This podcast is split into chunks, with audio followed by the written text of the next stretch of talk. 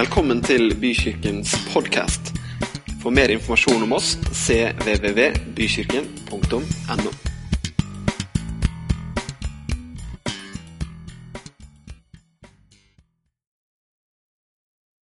Herre, jeg takker deg for uh, ditt nærvær. Takker deg for at du er midt iblant oss, Herre. Og jeg takker deg for at du bryr deg veldig mye om hver eneste en av oss som er i dette rommet, Herre. Takk for at uh, ingen av oss er ubetydelige. Takk for at ingen av oss er eh, eh, uviktige i dine øyne, Herre. Og takk også, Herre, for at du bryr deg om både små og store ting i våre liv. Takk, Herre, at du har omsorg for hele oss, og ikke bare for deler av livet vårt, men for alt det vi er, og hele det livet vi skal leve. Jeg takker deg for det, Herre.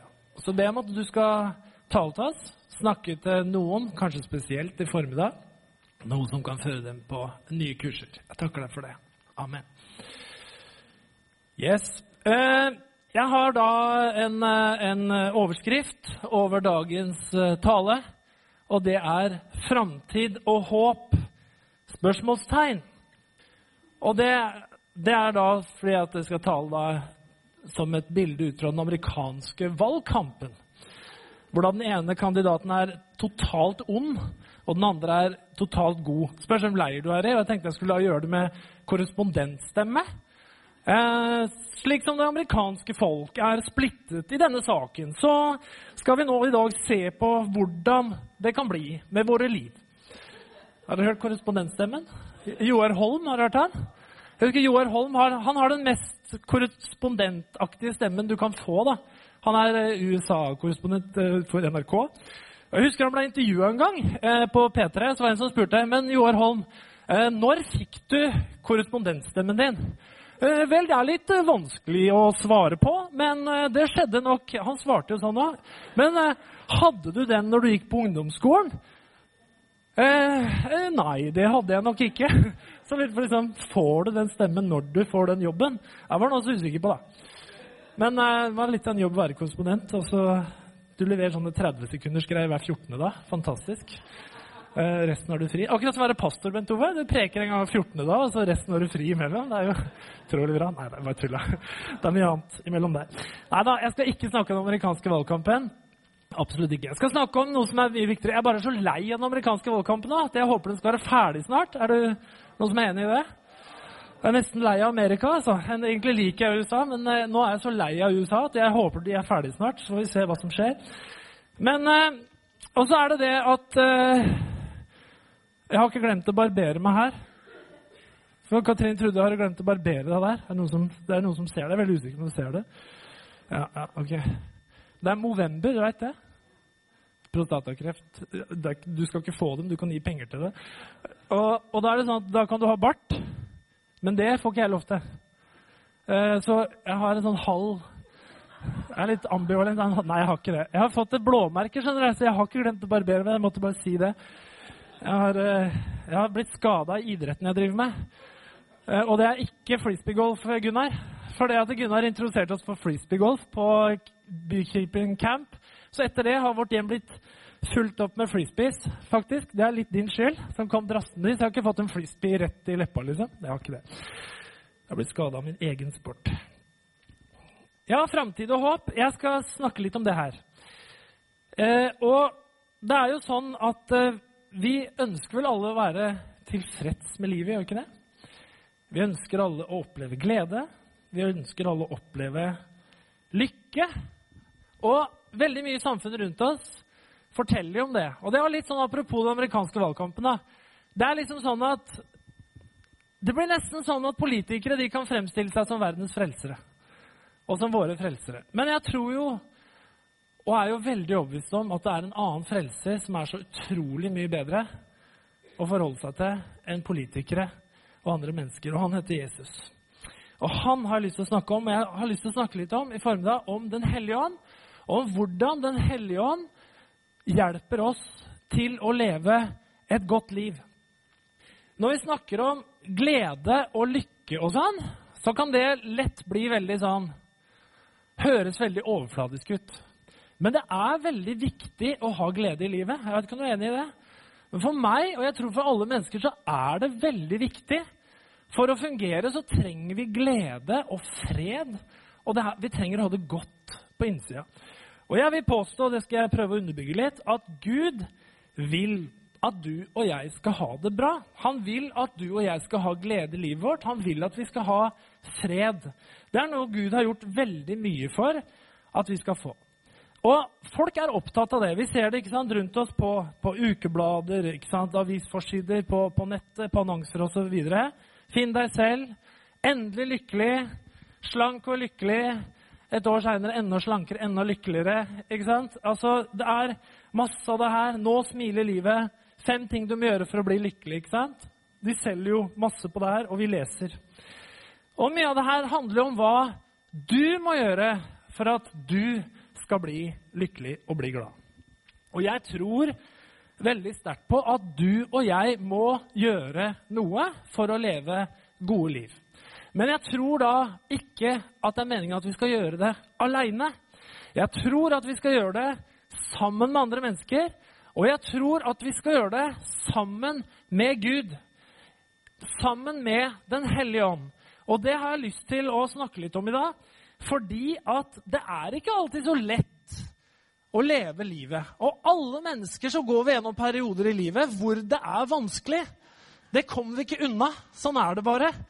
Men allikevel så tror jeg at det går an å ha og oppleve en glede i bånd som vi har innerst inne, selv om livet måtte rase og være vanskelig.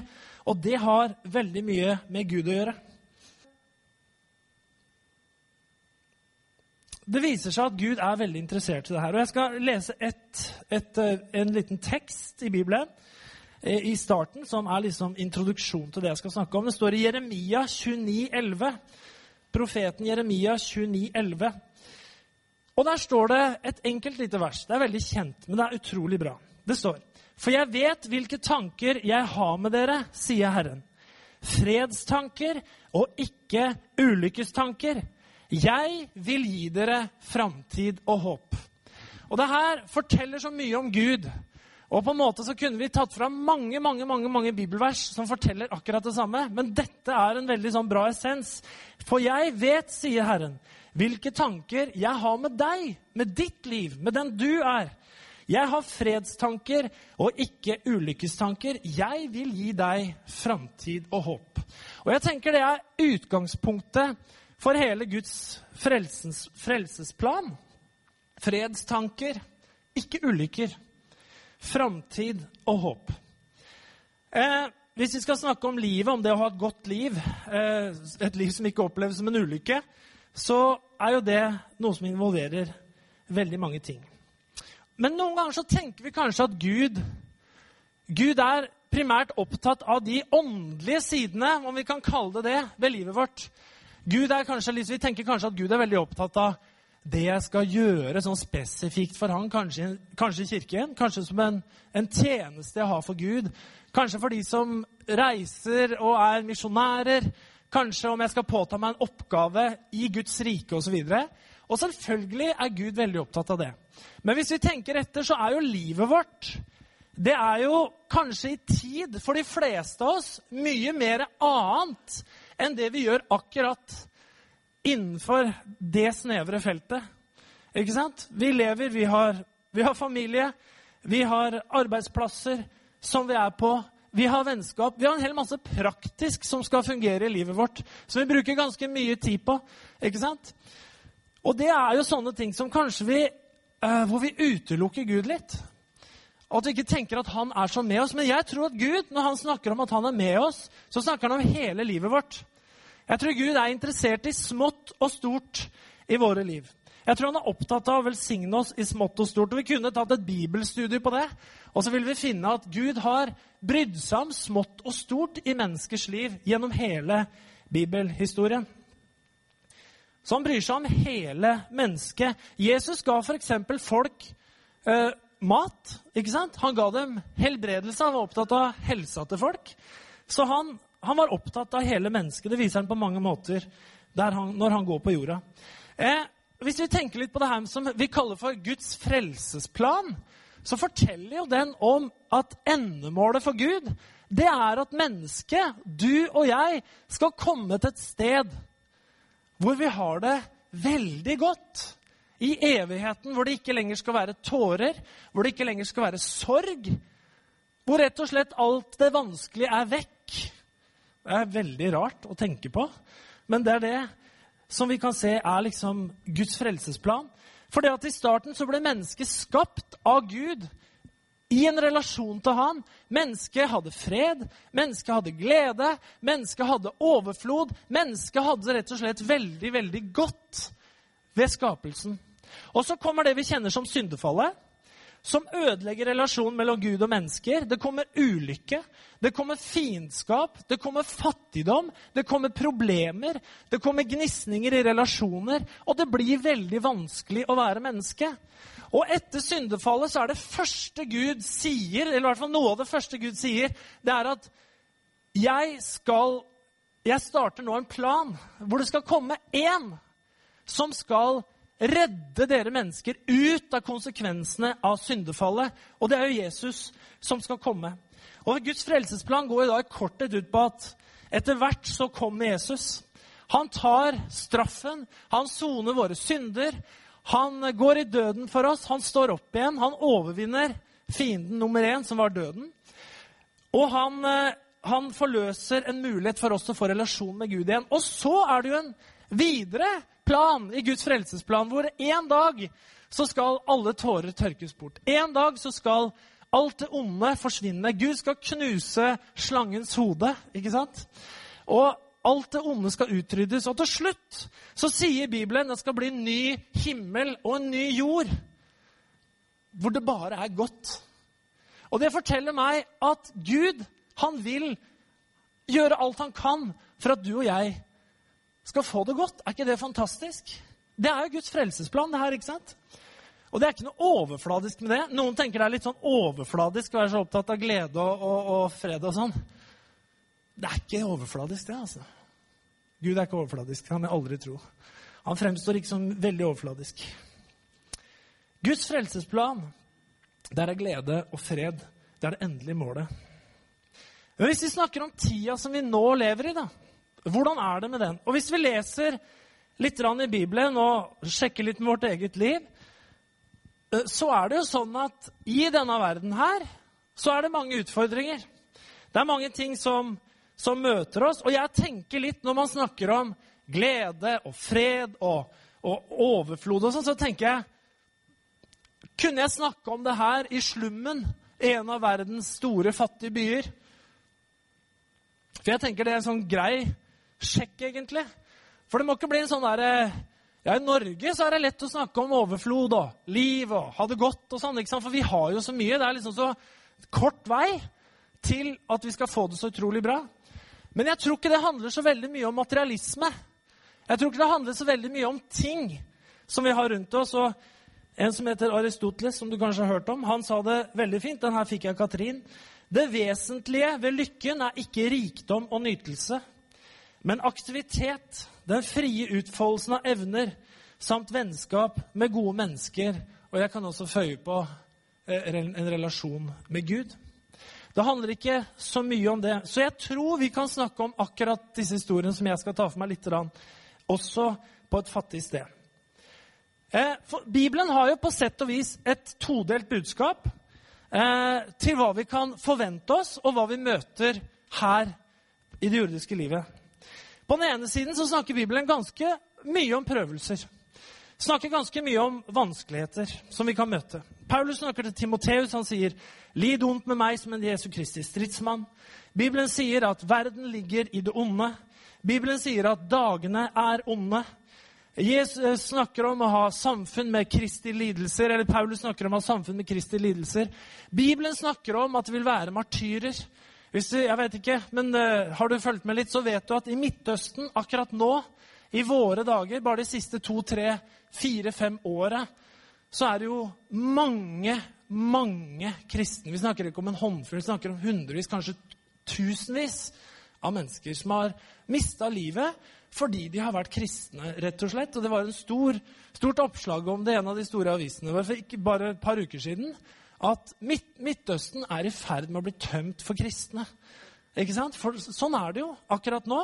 Det skjer i vår tid. Så det er jo den ene sida hvor Bibelen ikke lover oss gull og grønne skoger, ikke sant? og alt skal bare liksom være en sånn surfing igjennom. Nei, gjør faktisk ikke det. Men allikevel så snakker Bibelen om det her med glede, da. På en ganske voldsom måte. Paulus han skriver om det i Filippebrevet 4,4. Det er et kjent vers. Han sier, 'Gled dere alltid i Herren'. Igjen vil jeg si, 'Gled dere'. La alle mennesker få merke at dere er vennlige. Herren er nær. Vær ikke bekymra for noe, men legg alt dere har på hjertet framfor Gud. Be og kall på ham med takk, eller takk Gud under alle forhold. Og Guds fred, som overgår all forstand, skal bevare deres hjerter og tanker i Kristus Jesus. Og mange, mange andre steder så står det om det her med å ha gleden og bevare sitt hjerte. ikke sant? Men gled dere alltid, skriver Paulus. Og det kan jo være et sånt veldig eh, spenn da, mellom det andre Bibelen sier om det å leve, leve livet her nede. Og nå har jeg, jeg har i hvert fall vært borti mange varianter av det her med å glede seg i Herren. Eh, jeg tenker at Noen ler litt, ikke sant? For det er det som kommer. Men altså, jeg tenker at det med glede, da Hvis ikke det er ekte, så er det Det er slitsomt med smilekursgreier, altså. Det er på en måte det. Det er kanskje greit med en gang, men det holder ikke lenge med smilekursgreier. Og det er klart at det her med gleder i Herren alltid det er, jo, det er jo en oppfordring ikke sant? og det er en påminnelse, men det er jo ikke en sånn kommandogreie. Jeg husker jeg, Det er mange år siden jeg var på møte. ikke sant? Og da, da var det en Han var så ivrig. En predikant, da. Selvfølgelig. Det er de som er ivrige på møter. Men uh, i hvert fall. Det var liksom Nå må vi være glade, dere! Og han var nesten sinna. For uh, det hadde vært evangelisering i den menigheten der. Jeg husker det veldig godt. Uh, og Det hadde vært evangelisering, og det var en, en som hadde blitt frelst på torget. Så han sa på møtet etterpå liksom Og nå må vi være glade, dere! Dere er ikke glade nok, sa han. Og han ga det ga oss inn, så vi fikk bakoversveis. Så nå må vi være glad! Vis glede nå! Og vi uh, vi var så glad, vet du. Høye skuldre, og alle gikk sånn ut etterpå. ikke sant? Men det var Det blir jo veldig kunstig, så det er ikke en kommando på den måten. Men det, er, det, er, det skal ligge noe i bånn her. Det må være en grunn til at Paulus sier det. Det må være noe Paulus hadde livet sitt som gjorde at han i alle vanskeligheter hadde en årsak til å kunne gi den oppfordringen her til å oppleve det sjøl. Og en historie som illustrerer det der spennet mellom å ha det vanskelig og samtidig ha en grunnleggende glede. Jeg snakker kanskje ikke om lykke nå, men jeg snakker om en grunnleggende glede inni livet. Det skjer med Paulus og en som heter Silas. Hvor de har vært ute og fortalt om Jesus. Det har blitt eh, bråk, eh, og eh, noen har fått vendt myndighetene mot det. De blir kasta i fengsel. Enkelt og greit. Eh, og da står det, Når de nå sitter i det fengselet, her, så står det som følger i Apostlenes gjerning i 1625. Ved midnattstider holdt Paulus og Silas bønn og sang lovsanger til Gud. Og fangene lyttet til dem. Plutselig kom et kraftig jordskjelv, så grunnmuren i fengselet ristet. Straks sprang, alle, sprang alle dørene opp, lenkene løsnet av alle fangene. Mange av dere kjenner denne historien her. Men Eh, det som skjedde her, var jo, var jo, ikke veldig gøy. Jeg tviler på at Paulus og Silas syntes det var stas å komme i fengsel. Det tror jeg ikke var noe sånn gledesemne i og for seg. Men et sted så skriver jeg Peter eller Johannes som skriver sånn her Den som har sorg, han skal be. Den som er glad, han skal synge lovsanger. Det er ikke alltid så lett å synge lovsanger. Hvis du har det ordentlig vanskelig, så veit du det. Jeg klarer ikke det alltid da. Hvis jeg skulle ha det veldig vanskelig, så er det ikke så lett å liksom juble, kanskje. Men Paulus og Silas de har det vanskelig. De sitter i fengsel. De opplever forfølgelse. Men så er det tydelig da, at i dette fengselet så er det noe allikevel i dem som gjør at de får lyst til å synge lovsanger. For det må jo være noe de fikk lyst til å gjøre når de satt der. At det begynte å boble, og de begynte å synge lovsanger i fengselet. Og så raser hele fengselet. Og det kunne jo vært en fantastisk preken som vi kan holde en annen gang. Om kraften i lovsang, kunne vi ha sagt det.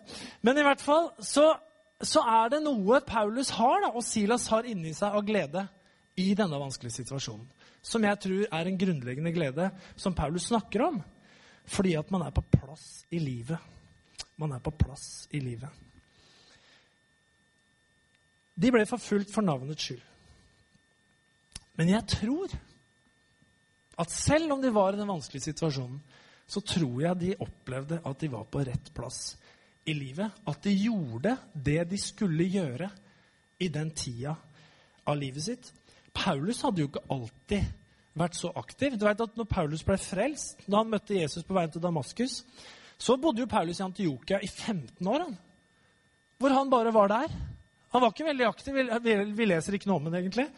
Annet enn at han var én tur oppe i Jerusalem og snakka med brødrene der for å sjekke ut om det var greit, det han liksom sto for, osv. Så, videre. så Paulus hadde levd en periode veldig stille, 15 år faktisk, før han på en måte setter i gang det her etter å ha blitt sendt ut. Og så tror jeg da at Paulus opplever at han er på rett plass i livet. At akkurat det jeg gjør nå, selv om det her ble vanskelig, så har jeg en glede inni meg, for jeg vet at jeg er der hvor Gud vil jeg skal være i livet mitt. Det tror jeg er utrolig viktig. Da tror jeg vi kan oppleve å ha en glede inni oss til tross for vanskelige omstendigheter. Og jeg må si det for egen del. Jeg begynner å ha levd lenge nå. altså Snart et halvt århundre. Det er veldig kort tid igjen, merker jeg. Eh, helt utrolig. Ja, det er merkelig, altså. Men sånn er det. Og det er det her at hvis man opplever at man gjør det og er det man skal være for øyeblikket, så tåler man ganske mye. Man gjør det, altså. Mens hvis vi opplever at vi er på gærent sted i livet, skjønner du hva jeg snakker om, så skal det veldig lite til før det røyner på.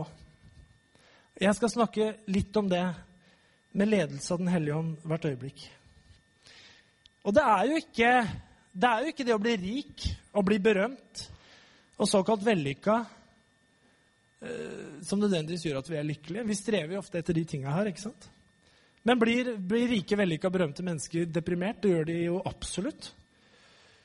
Ikke alle, men det kan virke som om flere av dem blir det enn de som ikke er rike og berømte og såkalt vellykka.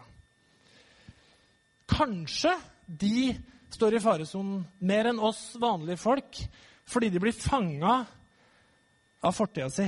De blir fanga av det de har vært. Blir fanga av karrieren sin. De blir aldri fri fra det de var for 20 år siden. Ikke sant? Det er vanskelig for dem å starte på nytt og gjøre noe helt annet. De mister liksom handlingsrommet i livet. Tenk deg det sjøl, liksom. At uansett hvor du er, så blir du gjenkjent, og du blir assosiert med kanskje noe du gjorde for 20-30 år siden. ikke sant? Og Du kommer liksom aldri løs fra det. Jeg føler meg utrolig heldig som ikke er kjendis, altså. Takk og lov for det.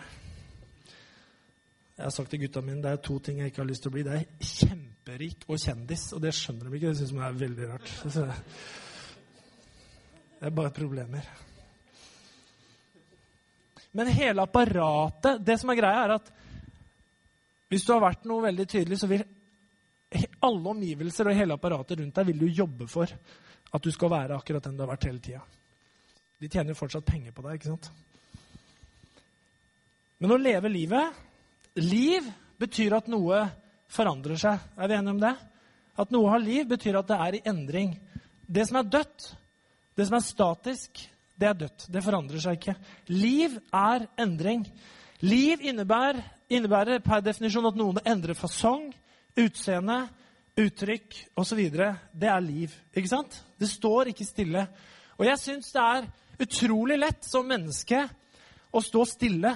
Jeg, tror, jeg syns noen ganger det er fryktelig vanskelig å flytte på mitt eget liv i forhold til det som har vært før. Men jeg tror Gud vil at vi skal være endringsvillige. Jeg tror at Gud vil at vi skal være åpne for Den hellige ånds ledelse og være klar for å gjøre nye ting. Den hellige ånd, Jeg må snakke litt om Den hellige ånd her, for det er umulig å komme utenom. og det er hele poenget, at vi må snakke om ham. Som kristne har vi fått Den hellige ånd.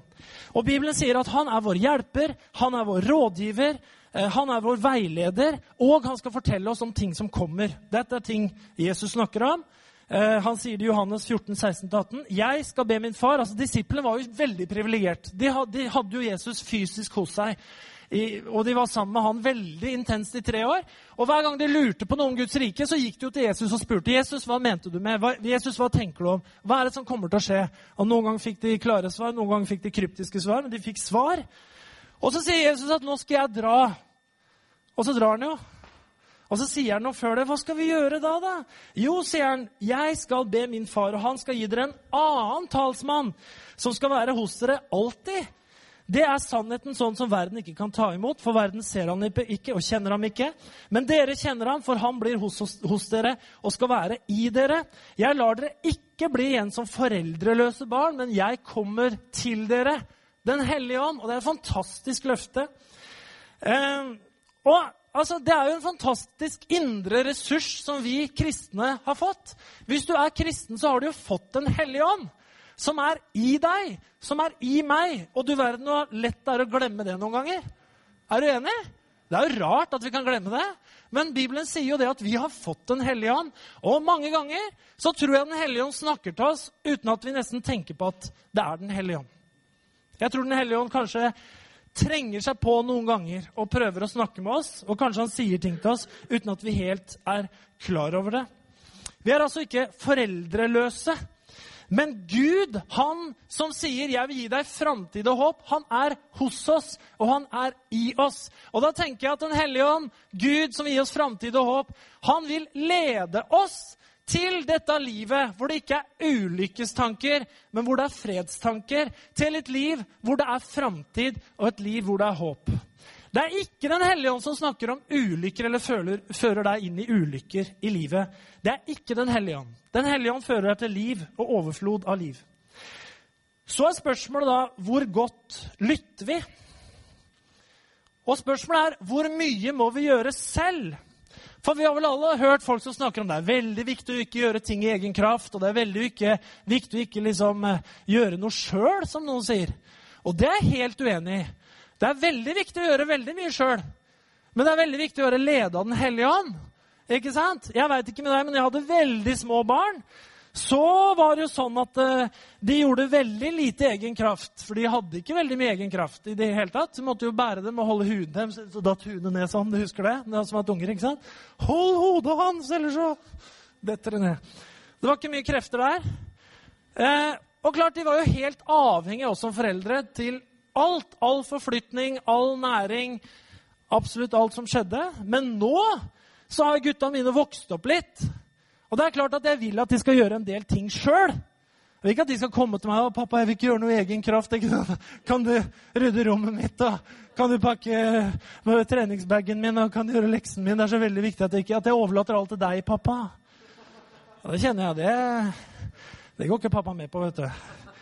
Da sier du gjør litt egen kraft. Så skal jeg hjelpe deg, skal jeg veilede deg. Men poenget er at du skal også stå på egne bein. Jeg skal si litt om det. Men hvis du snakker om at når jeg var liten og gikk på søndagsskolen, så sang vi Min båt er så liten og havet så stort. Men Jesus har grepet min hånd. Når han styrer båten, da ser jeg for meg sånn ror, da, så går det så bra på veien til himmelens land. Ja. Og da er det jo sånn hvis du skal styre en båt, så er det veldig viktig at båten har fart framover. Så hvis, hvis, båten er helt stille vet du, og Jesus styrer båten, så skjer jo ingenting. Er du enig? Ja? Det er som en bil, det. Du kan jo sette Jesus bak rattet, og han styrer, liksom, styrer bilen din. Men hvis den ikke ruller framover, så skjer jo ingenting. Det må ha litt fart. Du må være litt i bevegelse sjøl. Ikke sant? Sånn er det. Og jeg tenker jo at sånn er Den hellige ånd. Han vil gjerne hjelpe oss. Han vil hjelpe oss. Han er hjelperen vår. Han er rådgiveren vår. Eh, det kan være litt som sånn GPS. Om 500 meter, svak sving til høyre. Deretter Eller forresten, gjør U-sving. Er det noe det bygde om veien? Det har vært borti det. Her er det ikke noe vei. Eh, men på en måte så er en GPS den gir deg jo klare råd om hvor du skal kjøre.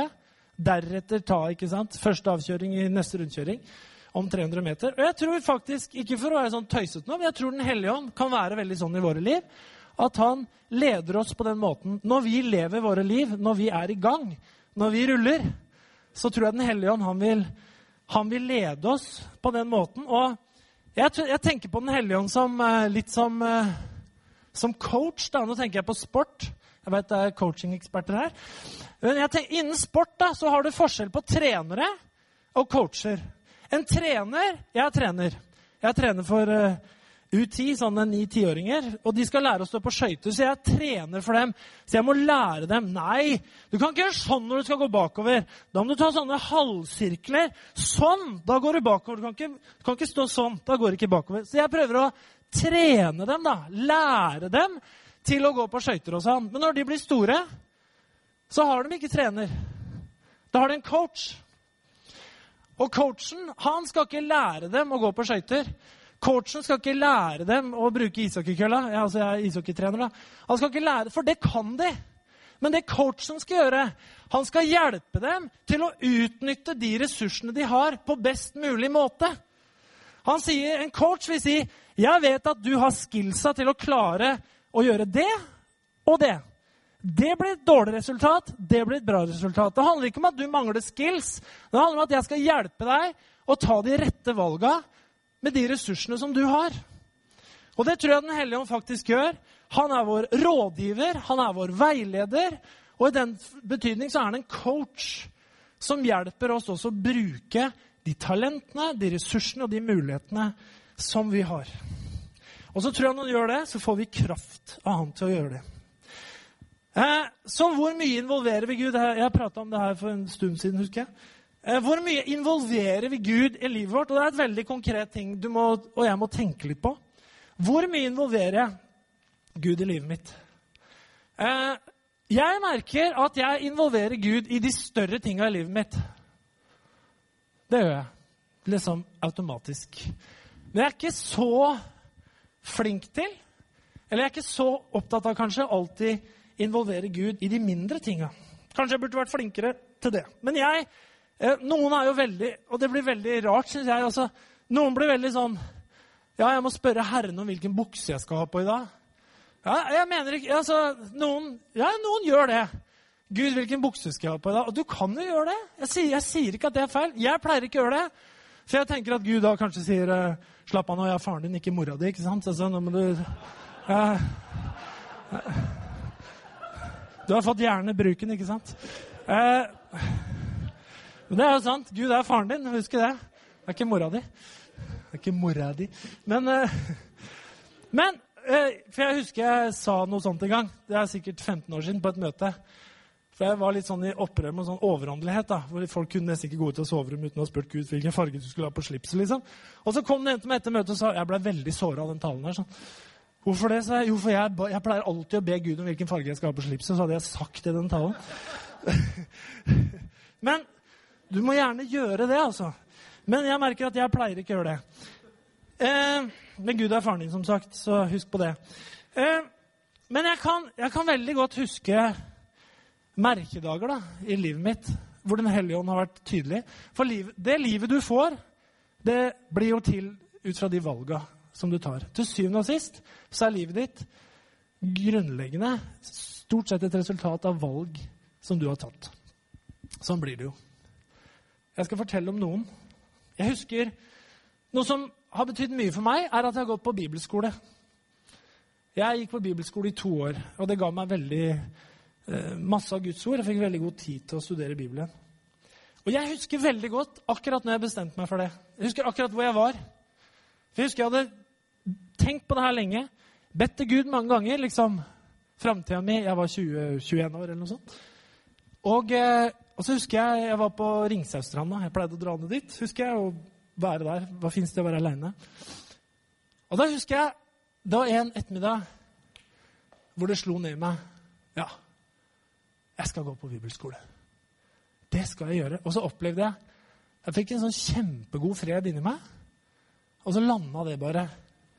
Og så For å være litt sånn teatralsk så skrev jeg 'ja' i sanda med veldig store bokstaver. Sånn at Gud skulle se det, liksom. Der så ble det enda bedre minne.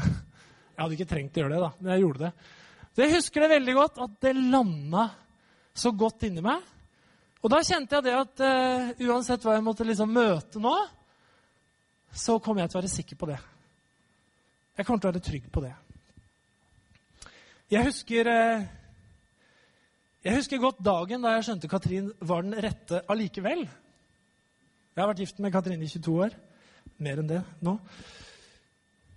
Og Vi var kjærester når vi var tenåringer. vet du, var sånn ordentlig tidlig ute. Jeg var litt tidlig ute. Hun var litt yngre enn meg, så jeg var kanskje litt tidlig ute. Men i hvert fall, vi var kjærester. Og det ble jo slutt. Og så gikk det fem år. Og så gikk jeg på bibelskolen, den bibelskolen forresten, som jeg gikk på. Og da var det en lørdag morgen.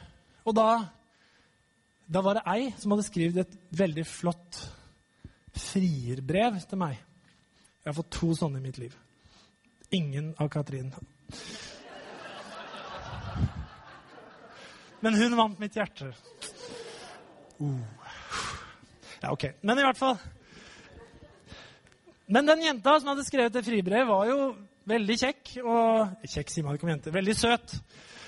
Og jeg syns hun var pen og kristen og alt masse sånn som jeg syns var bra. Og jeg, jeg ba jo over det her, da. Men jeg fikk ikke, jeg fikk ikke fred. Det landa liksom ikke. Landa liksom ikke. Og nå tror jeg at Gud lar oss velge ektefelle sjøl. Eh, men jeg tror han gir oss en sanksjon. Jeg tror vi kan oppleve fred eller ufred rundt ting. Og jeg fikk ikke det. Og så var det lørdag, en lørdag morgen. Jeg vet ikke hvilken lørdag morgen det var. jeg husker ikke datoen, Men det var i hvert fall på våren, tror jeg. Og da pleide jeg på den tida Ikke nå lenger, men på den tida sov jeg gjerne til sånn 9-10-tida på lørdag morgen. Det gjorde jeg. Det gikk veldig fint. Eh, nå har jeg ødelagt av oppfostra to barn, så nå går ikke det lenger. Men i hvert fall da gjorde jeg det. Men den morgenen så bråvåkna jeg klokka åtte om morgenen. Reiste meg opp i senga og så for meg Katrin i rommet i noen, et kort flash og utbrøt for meg selv Er det henne? Og så la jeg meg ned og sov igjen. Det er helt sant! Akkurat det skjedde. Og så våkna jeg klokka ti, og så lurte jeg på Hva var det for noe? Henne har jeg ikke tenkt på for lenge. Og så lurte jeg kan, kan det ha vært Gud. Jeg begynner, må jo lure litt da. Kan det ha vært Gud? Jeg gikk på bibelskole og alt, så jeg var veldig åpen for at det var Gud. Men det var veldig uventa, da.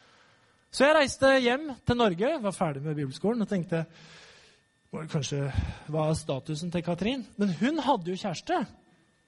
Så jeg tenkte det, det blir jo litt feil, da. Å begynne å nærme seg der. Så gjorde de ikke det.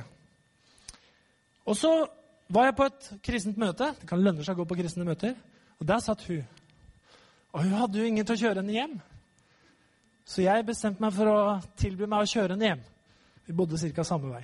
Så jeg kjørte henne hjem. Og skal jeg fortelle hele, liksom? Ok, jeg hadde akkurat, jeg hadde akkurat kjøpt eh, leilighet Jeg hadde akkurat kjøpt leilighet, skjønner du. Jeg hadde akkurat kjøpt leilighet på 185 kvadratmeter. Det må en ungkar ha, med fem soverom. Så faren min sa 'Hva skal du med den leiligheten?' Ja, men Det var så bra pris den gangen. da. Det var 1994. Så sa jeg ja, jeg har forresten kjøpt leilighet akkurat. Har lyst til å se. Det var nesten på veien. Så hun ble med og skulle se, da. Og så gikk jeg opp der gikk bak henne og gikk og kikka. Ja, her, vil, her blir det plass til mange unger, sa jeg. Og jeg ble helt sånn der, tenkte på henne og sånn. Og så kjørte jeg hjem, og så satte jeg henne av, og så opplevde jeg bare på innsida. Jeg tror det er henne. Det smalt inn. Vet du, Jeg er helt sikker på at det var Den hellige ånd altså, som talte til meg. Jeg ble kjempe Hva gjør jeg nå? Det er jo ikke høflig å liksom legge an på noen som har en annen kjæreste og sånn. Det, det, gjør jo ikke det. Jeg vil bare si at du gjør ikke det. Eh, så jeg dro, til, jeg dro, til, noen venner dagen etterpå og snakka om det. Vet du hva, Det er helt rart! Jeg hadde den der opplevelsen i Uppsala når jeg var der. Og så i går så fikk jeg bare dunk inni meg at det er henne, liksom. Altså husker jeg, Hun går i menigheten her. Anne Grete Tangvold. Hun kikka på meg og så sa Magnar, er du klar over at kona di er kjæreste med en annen mann? Jeg ble, følte meg som Cosma Kramer. Jeg ble helt Og så tok jeg kontakt igjen, da. Og sa jeg skal spørre ett spørsmål, sa jeg. Jeg kommer aldri til mer til å spørre det enn denne ene gangen. For jeg tror kanskje jeg har en opplevelse. Tror du at det noen gang kan bli noe mellom oss? Så ble det stille i bilen så lenge at det var plagsomt. Og så kom det et fint svar, da. Og fem måneder etterpå så gifta vi oss. Og flytta inn i leiligheten. Ja, det var fantastisk, faktisk. Men det er sånne Jeg tror at Den hellige ånd bryr seg om oss, da. Og vil møte oss.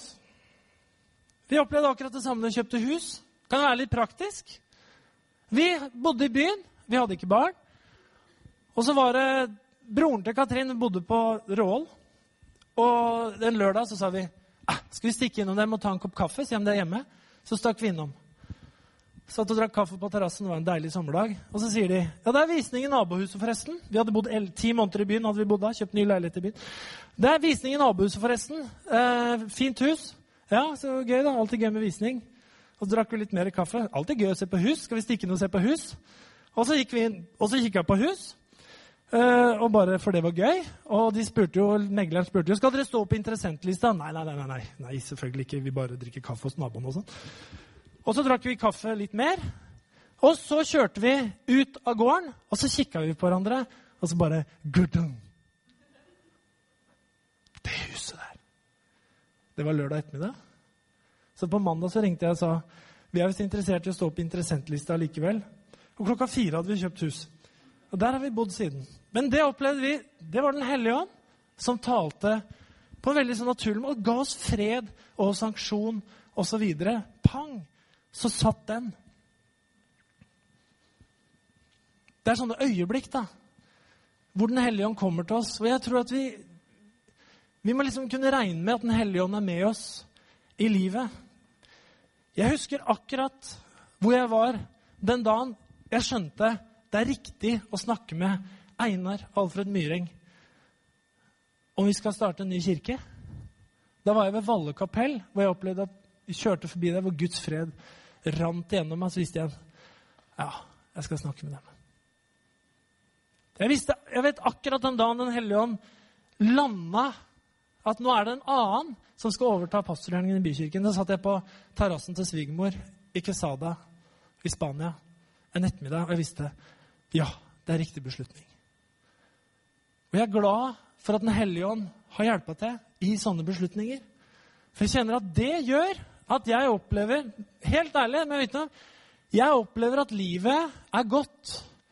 Jeg opplever at Gud har gitt framtid og håp. Men hvorfor jeg forteller de historiene her, det er fordi at det handler ikke bare om de åndelige tinga. Det handler, om, det handler om jobben din. Det handler om hus. Det kan handle om ektefelle. Det handler om valg vi gjør, osv. Og så har jeg gjort mange dumme valg, selvfølgelig. Bare spør faren min om alle bilkjøp jeg gjorde i ungdommen. Altså, det var jo ikke mye lede av Den hellige ånd. Men poenget var at livet er jo så mange ting. Og jeg tror at Gud han bryr seg om store ting og små ting. Og kanskje noen ganger vi burde være flinkere til å involvere. Men er det egentlig viktig å være lykkelig, glad og fornøyd med livet? Er ikke det litt sånn egoistisk? Og jeg tenker jo det at uh, Det er ikke det, altså. For jeg, jeg tenker det at hvis, hvis du og jeg har det bra, så har vi mer å gi til de menneskene som er rundt oss. Jeg er en bedre pappa når jeg har fred og glede i livet mitt. Når jeg ikke har det, så blir jeg fortere sint. Jeg kjefter mer. Jeg har mindre overskudd. Jeg orker ikke å stille opp så mye. Men Hvis jeg har det bra, hvis jeg har overskudd, hvis jeg har liv, hvis jeg har glede på innsida, så orker jeg mer. Jeg er mer overbærende. Jeg har mer å gi. Jeg er et bedre menneske, rett og slett. Så jeg tenker at det å ha det godt og ha glede i livet sitt, det er det er godt for alle, for alle omgivelser og alt sammen. Eh, jeg skal, jeg skal avslutte altså. Jeg ser at tida går jo, selvfølgelig. Jeg skal være ærlig. Jeg har hatt en fryktelig travel uke. Jeg hadde preka ti minutter kortere hvis jeg hadde bedre tid til å forberede meg. Eh, det kunne vært mer strukturert, da. Men eh, jeg får lov noen minutter til. da. Jeg må fortelle en liten historie fra Johannes-evangeliet om mannen ved Betesta dam. og Det skal være liksom, litt sånn avslutningen her. I Johannes evangeliet, kapittel 5, vers 1-15, så står det en, en, en, historie som jeg har lyst til å dra et par punkter fra til slutt her. Jeg skal lese hele historien. Det står eh, Etter dette kom en av jødenes høytider, og Jesus dro opp til Jerusalem. Ved saueporten i Jerusalem ligger det en dam som på hebraisk heter Betzaida. Den er omgitt av fem buganger. Der lå det en mengde mennesker som var syke, blinde, lamme og uføre. De ventet på at vannet skulle komme i bevegelse, for en engel fra Herren steg ned fra tid til annen i dammen og rørte opp vannet. Den første som steg ned i dammen etter at vannet var blitt rørt opp, ble frisk, uansett hvilken sykdom han hadde. Der var det en mann som hadde vært syk i 38 år. Jesus så ham ligge der og visste at han hadde vært syk lenge, og sa til ham, 'Vil du bli frisk?' Den syke svarte, 'Herre, jeg har ingen som kan få meg ned i dammen da vannet blir rørt opp.' 'Og når jeg kommer fram, så går alltid en annen uti før meg.' Da sier Jesus til ham, 'Stå opp, ta båren din og gå.' Straks ble mannen frisk, og han tok båren sin og gikk. Men det var sabbat denne dagen, og jødene sa til ham som var blitt helbredet, 'Det er sabbat, du har ikke lov å bære båren.' Han svarte, 'Han som gjorde meg frisk, sa, ta båren din og gå.' 'Hvem er det mennesket som sa at du skulle ta den og gå?' spurte de. 'Han som fikk meg frisk.' Og jeg visste ikke hvem han var, for Jesus hadde trukket seg unna. Det var mye folk der. Senere fant Jesus mannen på tempelplassen og sa til ham, 'Nå er du blitt frisk. Synd ikke mer for at ikke noe verre skal hende deg.' Og mannen gikk da og fortalte jødene at det var Jesus som hadde gjort ham frisk. Eh, jeg skal bare ta noen punkter derfra. Den historien er nemlig ganske god da, i forhold til å ta valg og bli ledet av Den hellige ånd. Denne mannen her, han hadde det ikke bra. Han har vært syk i 38 år. Han har hatt det vanskelig veldig veldig lenge. Og han, han var veldig aktiv på å søke helbredelse. Det var så klart det var en ulykke for han at han var syk. Det ødela sikkert livet hans på veldig mange måter. Og han hadde bestemt seg for og skjønte at det er en mulighet for helbredelse. Det er en mulighet for gjenopprettelse. Og Gud, fordi at her ved dammen så kommer det en engel ned noen ganger og rører opp. Og førstemann ned til dammen blir helbreda uansett sykdom. Så han var fokusert på at Gud kan gjøre noe i livet mitt. ikke sant? Det var han fokusert på. Han trodde på det. Eh, og han hadde blitt enig med seg sjøl. Og det er det som er poenget. Han hadde blitt enig med seg selv om hvordan det skulle skje. Han hadde, han hadde, totalt fokusert på at her skjer det helbredelser. Og den måten det skjer på, er at førstemann ned, som er nede i vannet etter at englene har rørt opp vannet, han blir helbreda. Og det er det jeg skal oppleve. Det er det jeg liksom satser alt på. Så han hadde bestemt seg for hvordan han skulle blitt, bli helbreda. Problemet var bare det at det var jo alltid noen som kom før han ned. Og han var også avhengig av hjelp fra andre for å kunne komme seg ned til dammen. Og i de tilfellene hvor han var så heldig å få hjelp til å komme seg ned, så var det allikevel alltid noen som var før han. Så det det ender opp med, er jo at han legger seg tilbake på sin faste plass. Og han fokuserer fortsatt på at denne måten skal jeg bli helbreda på. Jesus kommer plutselig forbi og spør vil du bli frisk. Vil du få det bra? Det er kanskje et rart spørsmål. Selvfølgelig. Men mannen svarer Svarer han ja? Men han gjør ikke det. Vil du bli frisk? Han kunne jo svart ja, men han svarer ikke det. Hva er det han svarer? Herre, jeg har ingen som kan få meg ned til dammen når vannet blir rørt opp. Når jeg går fram, går alltid en annen uti før meg. Det er det han svarer.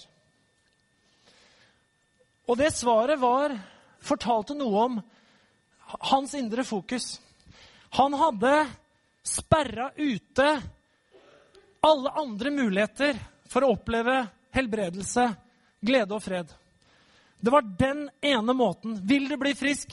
Men det er alltid noen som er før meg. Altså Han var så problemfokusert, rett og slett. På en måte var han positivt fokusert på at det kunne skje noe, men samtidig så var han så fokusert på at Men det går jo ikke. Det er jo alltid noen som kommer før meg. Og hvorfor er det alltid det? Da er Jesus nådig, vet du. Og sier til ham noe helt annet. Han sier rett og slett 'stå opp', Ta båren din og gå. Det er det ingen som hadde sagt den før. Straks ble mannen frisk, og han tok båren sin, og han spaserte av gårde. Problemet var bare det at denne helbredelsen den blei jo litt feil for omgivelsene. Fordi at eh, altså Han hadde vært sånn i 38 år. Det var nok han hadde vært stasjonert her i årevis også. Så det er nok mange som visste hvordan hans tilstand hadde vært. Så når denne karen kommer gående med båre, så er jo ikke reaksjonen Neimen, har du blitt helbreda? Nei, det er ikke reaksjonen. Reaksjonen er en helt annen. Det er sabbat. Du har ikke lov å bære båre nå. Ja, men eh, Han som gjorde meg frisk, sa at jeg skulle ta båra mi og gå. Og det var faktisk det som gjorde den frisk. Det var at Han hørte på det, han tok båra si, og så gikk han, så var han frisk. Det, helbredelsen skjedde på feil måte. Hvem er det mennesket Det er gjerne som vi sier vi skal liksom snakke litt ned om folk. Hvem er det mennesket som har sagt det? ikke sant? Eh, hører setningen. Eh, hvem er det mennesket som har sagt at du skal ta båra di og gå? Jeg veit ikke helt. Men det var i hvert fall sånn jeg ble helbreda. Og hør nå, hvorfor jeg tar denne historien her. Jeg tror nemlig, for å runde av Den hellige ånd ønsker som Gud og gi deg framtid, håp. Jeg tror Den hellige ånd ønsker å helbrede våre liv. Jeg tror Den hellige ånd ønsker at du skal ha det godt. Jeg tror Den hellige ånd ønsker at du skal ha det glede. Men vet du hva jeg også tror? Vet du hva jeg også har erfart i mitt eget liv? Det er at Noen ganger så blir vi så opptatt av at det må skje akkurat på den måten. Og innafor den ruta vi er på akkurat nå. Kanskje du har søkt forandring i livet ditt på akkurat samme måte i så mange år. Kanskje du har vært innafor et sånt paradigme, en sti, en vei å gå på i mange år. Og så tenker du men det skjer jo aldri noen ting. Mens andre som gjør akkurat det samme, de opplever liksom alt mulig bra. Det er alltid noen som kommer før meg. Og så kommer Jesus, og så tar han han mannen ut av boksen og gjør ting på en helt annen måte. En helt annen måte. Altså ikke innafor den tanken han hadde hatt i det hele tatt. Og hva skjer da? Jo, omgivelsene kritiserer måten han ble helbreda på. Det er ikke sånn det skulle skje. Det var ikke det valget du skulle ta. Det var ikke sånn det skulle være. Og hvor mange ganger har man ikke hørt det? At mennesker gjør noe annet, og så finner de freden, så finner de gleden, så finner de Gud tilbake igjen. Ja, men det var vel ikke den måten? Nå ble vi litt skuffa her, at det skjedde sånn.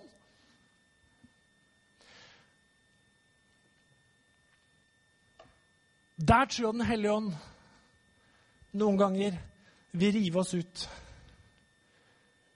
Du spør ikke om kjæresten til en annen vil gifte seg med deg. Gjør jo ikke det. Jeg mener òg. Men noen ganger så gjør den visst det. Kan lovsangsteamet komme opp, så kan vi ta litt herlig musikk på. Og det er det når jeg